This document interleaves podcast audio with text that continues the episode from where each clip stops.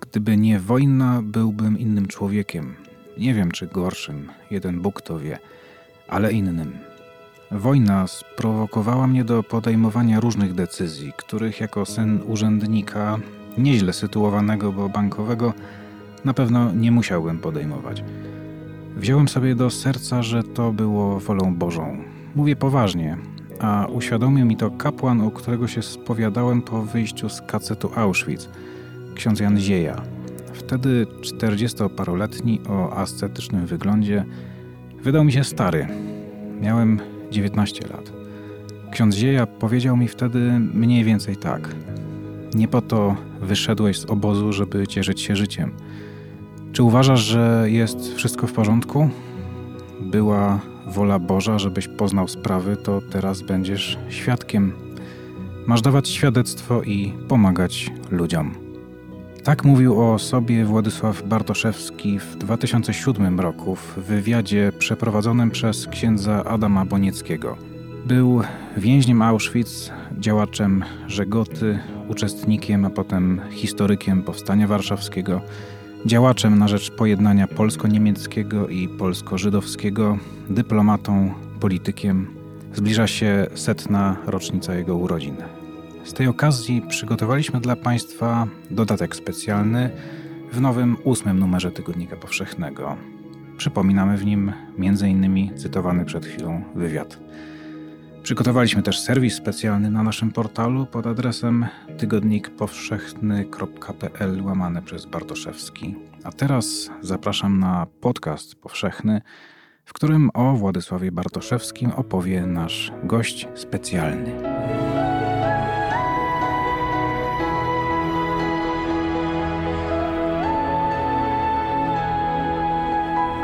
Podcast powszechny.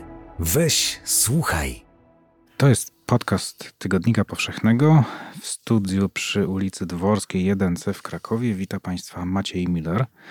Spotykamy się dzisiaj z bardzo specjalnej okazji, ponieważ zbliża się setna rocznica urodzin Władysława Bartoszewskiego.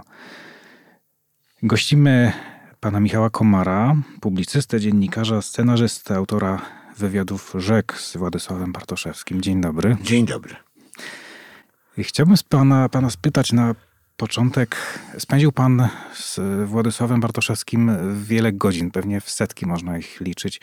I zastanawiam się, jakim on był rozmówcą. Czy on chętnie o sobie opowiadał, czy musiał go pan dociskać i czy on starał się kontrolować to, co, oni, to, co ludzie o nim wiedzą i to, co ludzie o nim sądzą? Pan powiedział o godzinach, ja bym powiedział o latach, bo spędziliśmy na długich rozmowach około od 10 do 15 lat, to zależy jak, jak to liczyć. Mhm. Ja najpierw byłem jego ghostwriterem. Pisałem projekty jego przemówień jako ministra spraw zagranicznych. Niekiedy sobie żartowałem. Na przykład były przemówienia na temat aniołów, kiedy trzeba było oświecić niektórych innych ministrów spraw zagranicznych. I te anioły przylatywały i Władysław Bartoszewski chichotał i wygłaszał takie przemówienia. Ale czytał je wcześniej, czy był zaskoczony tym, co widział na, na, na wydruku? Nie, on czytał najpierw mhm. i naj, najwyżej skreślał jedno, dwa zdania. No a potem siedliśmy do tych książek, przecież powstało siedem tomów jego mhm. wspomnień. Y, on wiedział, o czym mówi, ale nie dlatego, że był coś chciał ukrywać. Natomiast, wie pan, on był moim zdaniem jednym z niewielu znanych mi postaci w życiu publicznym polskim, którzy umieli przemyśleć swoje doświadczenie życiowe do tego stopnia, że wiedzieli, co mówią. To znaczy, to nie było rzucanie jakichś okrzyków, haseł, e, banałów na wiatr, tylko to był efekt głębokiej refleksji nad własnym doświadczeniem. Na refleksji nad tym, co zabolało w życiu co się przeżyło, to trzeba było, jak to mówią psychologowie, przerobić. A w punkcie startu młody Władysław Bartoszewski miał bardzo dużo do, do przemyślenia i do przerobienia. Bo przecież swoją karierę planował zupełnie inaczej. Chciał być jezuitą. Chciał wstąpić do zakonu. W 1939 roku latem, jeszcze przed maturą, poszedł do domu pisarzy Towarzystwa Jezu- Jezusowego w Warszawie na ulicy Rakowieckiej. Tam teraz jest kościół Tak. E, tak, bardzo, taki ładny, nowoczesny kościół i piękny ogród, bo jezuici są świetnymi ogrodnikami przy okazji. Nie tylko, ale mówię o tym, bo niekiedy tam chodziłem do, do tego ogrodu i podziwiałem wspaniałe kwiaty. Poszedł i powiedział do przełożonego tego domu, że chciałby wstąpić do zakonu i dowiedział się, to wygramy wojnę, słuchaj, przyjdziesz za parę tygodni, bo wygramy wojnę z Niemcami raz, dwa i, i cię przyjmę z otwartymi rękami. Więc proszę sobie pomyśleć, chłopiec osiemnastoletni, niespełna osiemnastoletni, z taką nadzieją, z poczuciem powołania. I nagle wszystko się załamuje. I wojna niewygrana, a i potem Oświęcim. I wszystkie straszne doświadczenia okupacyjne. Ile było do przemyślenia. I ile do przyswojenia. On to wszystko gromadził w pamięci, potrafił to Wszystko gromadził w pamięć. Miał fenomenalną pamięć. No, y, niekiedy wy- wykorzystywał ją dla celów rozrywkowych. Mianowicie, wie pan, y, nagle zaczynał recytować Fredrę. Ja pamiętam, jak Wojtek Przoniak chichotał przez cały czas, kiedy mówił, słuchaj, on odegrał przede mną i Papkina, i Klarę z drugiego aktu y, Zemsty. No więc y, y, y, cytował Mickiewicza przez cały czas. Lessinga. Dobre tłumaczenia Lessinga, ale nie wiem, czy to nie jego tłumaczenia były. Bo on pisał maturę z Lessinga, e, maturę po niemiecku. E, Bo z Mickiewicza pisał e, po polsku w 1939 roku. A mówimy o człowieku, który nigdy formalnych studiów do końca nie, nie, nie, nie, nie A zdołał wie pan, tak? że to jest bardziej. I tutaj zaskoczę pana. On w zasadzie on napisał pracę magisterską. I tę pracę magisterską złożył. Y, Doktor e, Marcin Barcz, jego wieloletni asystent, y, po śmierci pana Władysława udał się do archiwum i znalazł w archiwum Uniwersytetu Warszawskiego.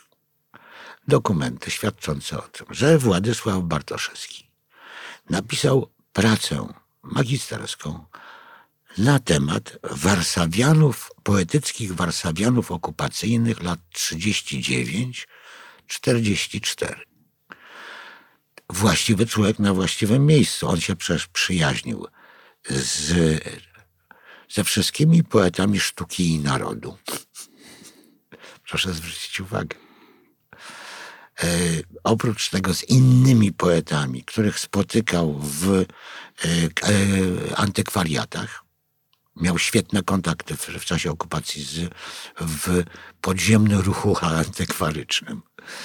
E, napisał do Nowego Korybuta, tuż po wyjściu z więzienia, napisał duży tekst o Warszawianach e, poetyckich z tego okresu, po czym napisał pracę magisterską. Złożył ją u profesora Krzyżanowskiego i wyjechał do Zakopanego, żeby zaleczyć gruźlicę. Mhm.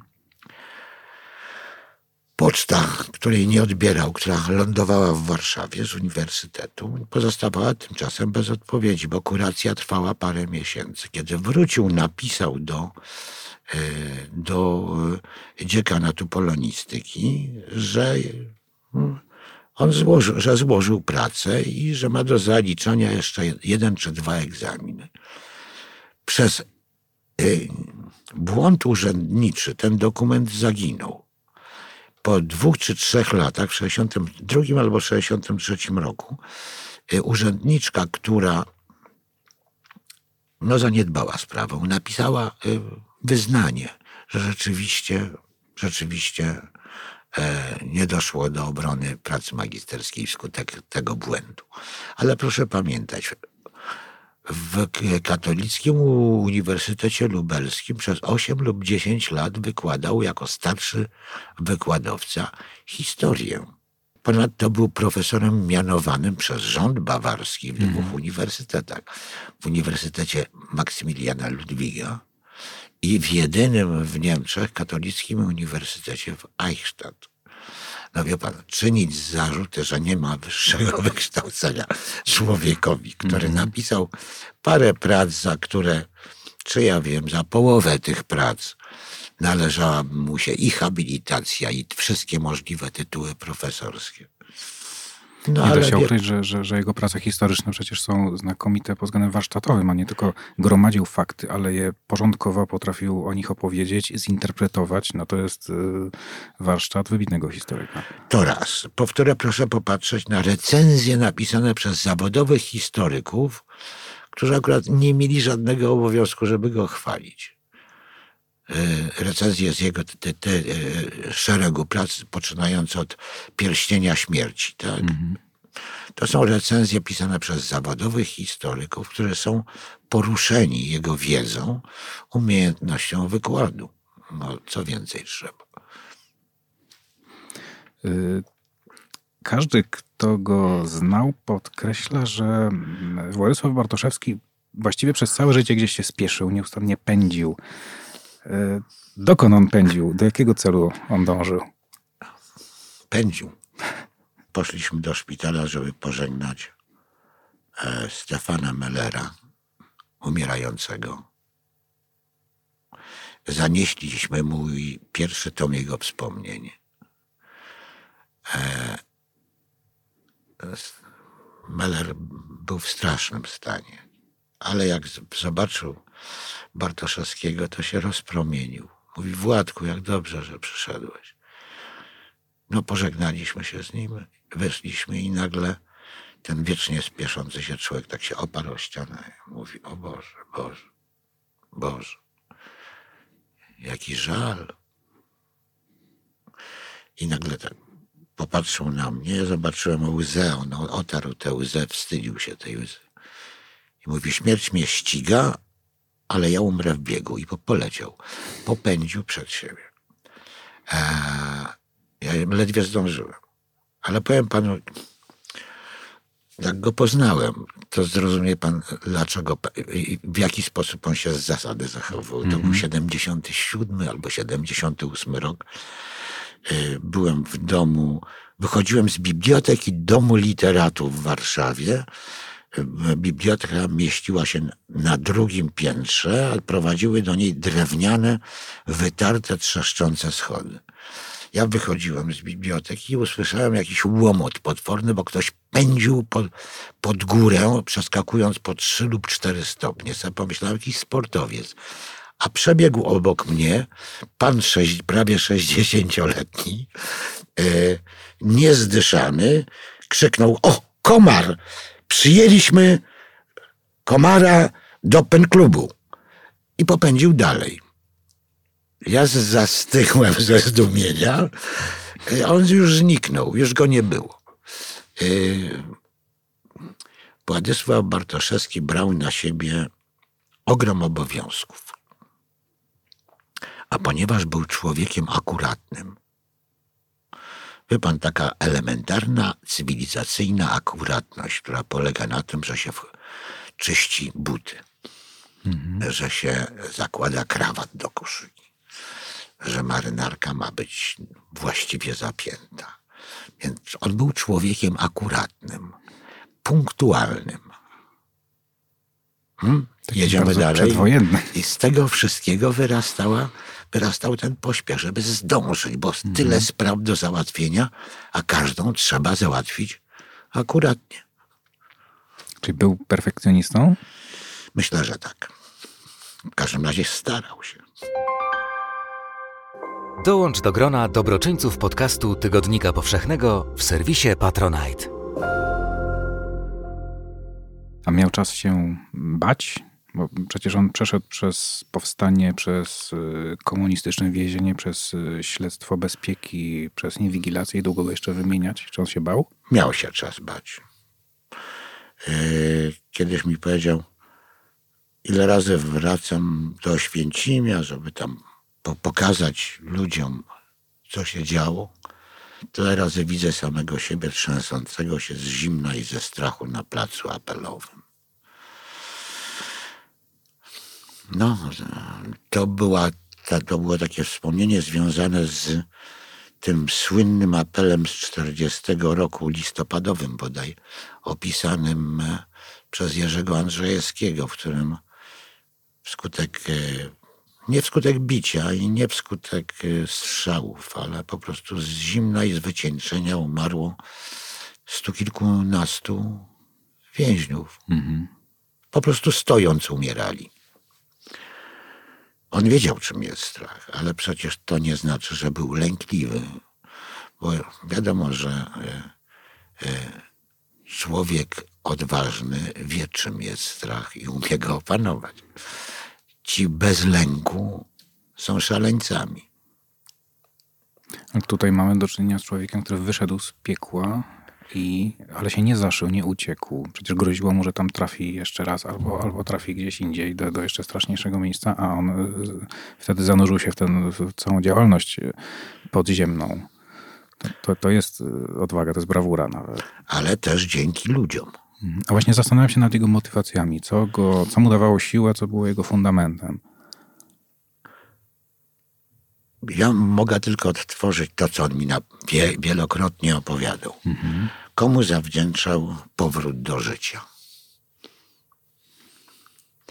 Zawdzięczał przyjaciółce, ale najpierw sąsiadce po prostu. Młodej harcerce Hannie Czaki, która dowiedziawszy się, że do domu na Żoliborzu wrócił chłopiec z Oświęcimia kompletnie poraniony, połamany psychicznie i a przede wszystkim fizycznie, postanowiła mu zmieniać opatrunki. On miał całe ciało e, w rozpadzie.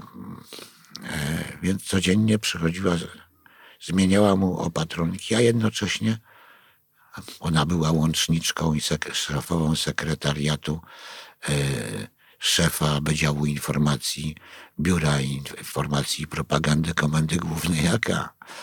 Wyciągała od niego informacje o, o tym, co widział w obozie. I na tej podstawie zapisała jego relację i przekazała dalej do opracowania. I to na podstawie relacji młodego Władysława Bartoszewskiego powstała pierwsza broszura konspiracyjna na temat tego, co się dzieje w Oświęcimiu. E, którą tę broszurę wy- wydał Aleksander Kamiński. E, No, czyli mamy tutaj do czynienia ze ścisłym trzonem propagandowym Armii Krajowej, prawda?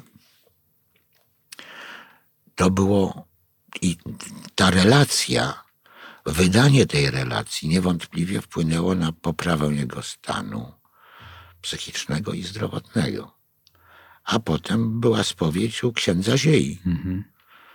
I e, e, Władysław Bartoszewski o księdzu Ziei mówił jak, jakby to powiedzieć, nie wiem, ojcu, e, ale nie, nie tylko. To było coś więcej chyba. E, o jakimś nauczycielu, który, który mu pokazał coś, czego inni nauczyciele nie umieli. Chociaż do swoich nauczycieli ze szkoły Bartoszewski odnosił się do końca życia z nieprawdopodobnym szacunkiem. A co takiego usłyszał w czasie tej spowiedzi? A rozejrzyj się w koło, przestań się żalić. Rozejrzyj się w koło i zobacz. I zobacz, ilu tu ludzi potrzebuje pomocy. A to był 42 rok. Lato, czyli likwidacja getta. I mi ci pomagaj. I tak też zrobił. No, dzięki kontaktowi z Zofią Kosak. Z Zofią Kosak, y, z którą y, ksiądz Zieja był w bardzo bliskim kontakcie. E, trzecia osoba to przesłuchujący go, tak to nazwijmy, e, bardzo długo rozmawiający z nim, e, pewien e, emisariusz o pseudonimie Franek, e, który go przesłuchiwał niejako w imieniu Zofii Kosak. A to był Jan Karski. E, No, mamy elitę, elitę intelektualną, elitę e, konspiracji. Potem te niezwykłe kontakty i z, a, z, z historykami pracującymi w BIP-ie, z adwokatami z Krakowa, którzy stąd musieli się wynieść zagrożeni aresztowaniem, z prawnikami krakowskimi, którzy w BIP-ie odgrywali ogromnie ważną rolę. I Te 18, 19, 20, 21 lat.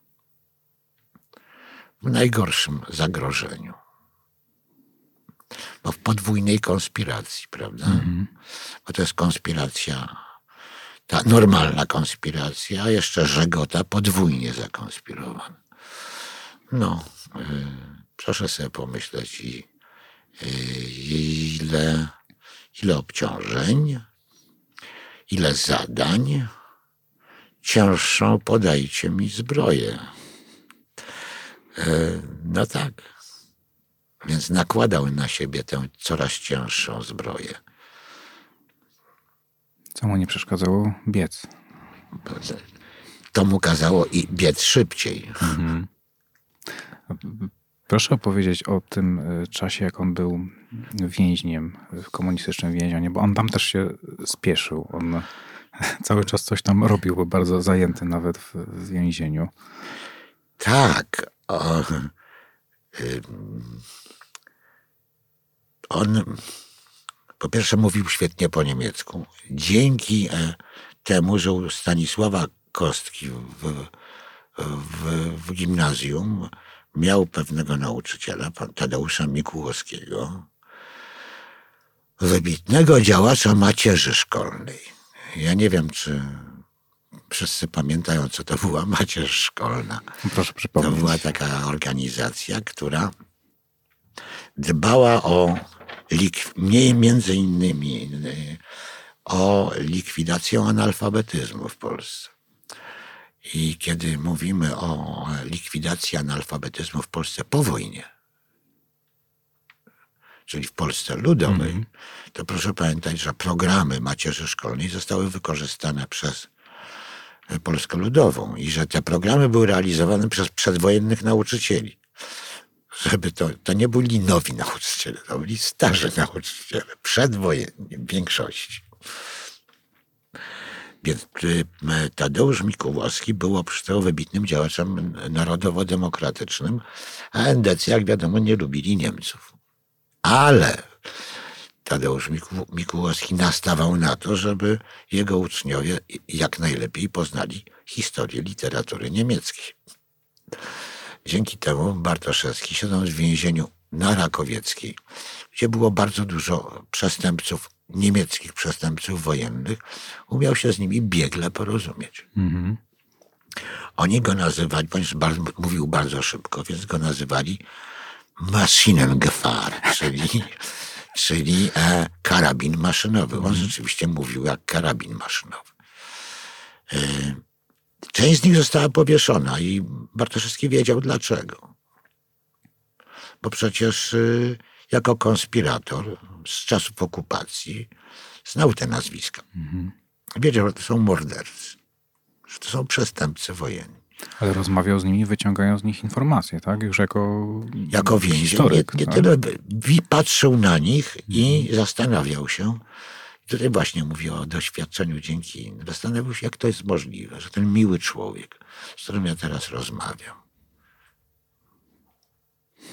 umiał wyciągnąć pi- drugiego dnia powstania, umiał przyjść na ulicę Rakowiecką do domu do domu pi- pisarzy Towarzystwa Jezusowego, gdzie schowali się w piwnicy mieszkańcy okolicznych budynków i zaprosić księdza przełożonego e, na rozmowę, do, no, na spacer na rozmowę. Wziąć go pod ramię, wyjść. E, Tam była zieleń pól mokotowskich. Wyjść na pola mokotowskie. To był sierpień. Piękna pogoda. I nagle uśmiechając się, wyciągnąć pistolet z kabury i strzelić temu duchownemu prosto w głowę. Jak ten miły człowiek mógł to zrobić? Ten, który ze mną je. Jak to możliwe? Czyli można powiedzieć, że Bartoszewski miał za sobą wiele rozmów z katem, z No oczywiście. Mniej intensywnych zapewne, bo to nie była jedna cela. Najczęściej siedział w celach kilkudziesięcioosobowych, gdzie miał no, do czynienia z elitą intelektualną Polski przedwojennej. Tam byli profesorowie uniwersyteccy. E, Naprawdę wielkiej klasy ludzie. E, i- I uczył się, przez cały czas się uczył. Nie tracił czasu. Nie, Nawet dlatego więzieniu. się śpieszył. Bartoszewski był budowniczym mostów. Był człowiekiem, który budował zgodę między ludźmi, którzy wydawałoby się są zwaśnieni już na, na zawsze. No, między Niemcami a Polakami, między nie, Polakami a Żydami. Y, I w związku z tym niektórzy negatywnie oceniają y, jego działalność polityczną już pod koniec życia. Wtedy, szczególnie kiedy zaangażował się w, w konwencję Platformy Obywatelskiej, kiedy został y, ministrem. E- Efekt uboczny jest taki, że niektórzy, słysząc nazwisko Bartoszewskiego, kojarzą starszego pana, który wymachuje rękami i mówi coś o dyplomatokach. E, No tak, bo, ale miał rację w tym przypadku, bo to rzeczywiście dyplomatołki go po, poruszyły. Proszę pana, młody Władysław Bartoszewski w 1938, 30 pod koniec 38 i 39 roku, jeszcze przed zdaniem matury, e, przecież słyszał te nie damy ani guzika, marszałek Śmigłyryc to jest nasz dzielny wódz, tak? Z maso, było of, o, o, słuchaczem w jakiejś mierze ofiarą tej straszliwie zakłamanej propagandy państwowo-twórczej, która miała tchnąć ducha, a nie tchnęła ducha. Widział klęskę 1939 roku i wysnuł z tego dosyć prosty wniosek, że trzeba liczyć kilometry przyjaznych granic. Jak się nie liczy tego, to niech się nie bierze do polityki. Polska jest w takim położeniu, że musi mieć dobry, przynajmniej dwóch dobrych sąsiadów. Takich sąsiadów, na których się można oprzeć. Jeżeli ktoś chce pokrzykiwać i nie mieć w ogóle dobrych sąsiadów, to niech się pie... e, przepraszam, to jest dyplomatołkiem, no po prostu. To jest dyplomatołkiem. Prężenie muskułów jest absurdalne. Rozsądny człowiek dba o swoich sąsiadów. Każdy, kto mieszka w klatce schodowej, jest ze złym sąsiadem, ma do wyboru albo spalić jego mieszkanie, ale w ten sposób narazić samego siebie, albo tak ułożyć sobie stosunki z tym sąsiadem, żeby on zrozumiał, że, że ma interes w tym, żeby przynajmniej nie, nie śmiecić na klatce schodowej i grzecznie się kłaniać. Immanuel Kant twierdził, że e, pewne nawyki powtarzane przez Dłuszczyca przechodzą w porządne, moralne przyzwyczajenie. I o to właśnie chodzi. O to chodziło Bartoszewskiemu. Żeby ułożyć stosunki z Niemcami, mając w pamięci to wszystko, co się stało. Proszę zwrócić uwagę, jego wielkie przemówienia na 50. rocznicę. Owszem, on powiedział o tym, że my także dopuszczaliśmy się, my Polacy dopuszczaliśmy się także Ale zanim to powiedział, wyliczył wszystkie krzywdy, jakie, jakie reżim hitlerowski, reżim niemiecki wyrządził Polakom. Nie Żydom, ale Polakom. Mówił o katolickich księżach, o, katoli o e, katolickich nauczycielach, o dwóch i po, o po ponad dwóch milionach polskich katolików zamordowanych. Niemcy, niektórzy Niemcy po raz pierwszy to usłyszeli. I to, co jest istotne, jego przemówienie trwało 45 minut w Bundestagu. 45 minut. Cała relacja telewizyjna trwała też 45 minut. Oglądało ją wedle ówczesnych raportów e, mo- monitorujących 20 milionów Niemców. Innymi słowy, nie było w historii tak silnego polskiego przekazu, jak to przemówienie Władysława Bartoszewskiego. Jeżeli ktoś tego nie rozumie, to już niczego nie zrozumie. Jeśli po naszej rozmowie ktoś chciałby bliżej się zapoznać z dziełami profesora, to który z jego książek zaliczyłby pan do takich absolutnych must read publikacji, które po prostu należy znać? No te dni Warszawy, ta kronika Dni Warszawy, która jest rewelacją, jest rewelacyjna. Ona oprócz tego to nie jest z ojczyzny mojej. To są dwa fundamentalne dzieła, bez przeczytania których nie należy w ogóle wypowiadać się na temat historii, dziejów okupacji.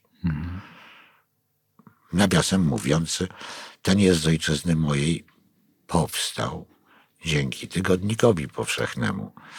Yy, Więc yy, tym bardziej należy to czytać. Oczywiście.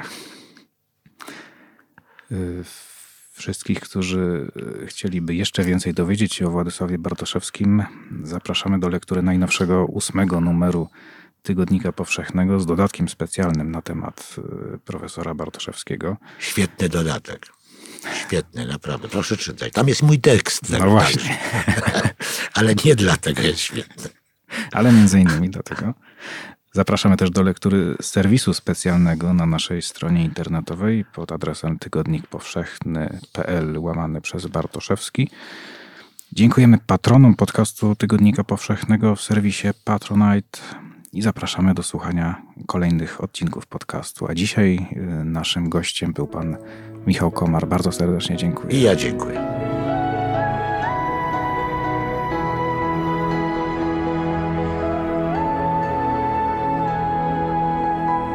Podcast powszechny. Weź, słuchaj.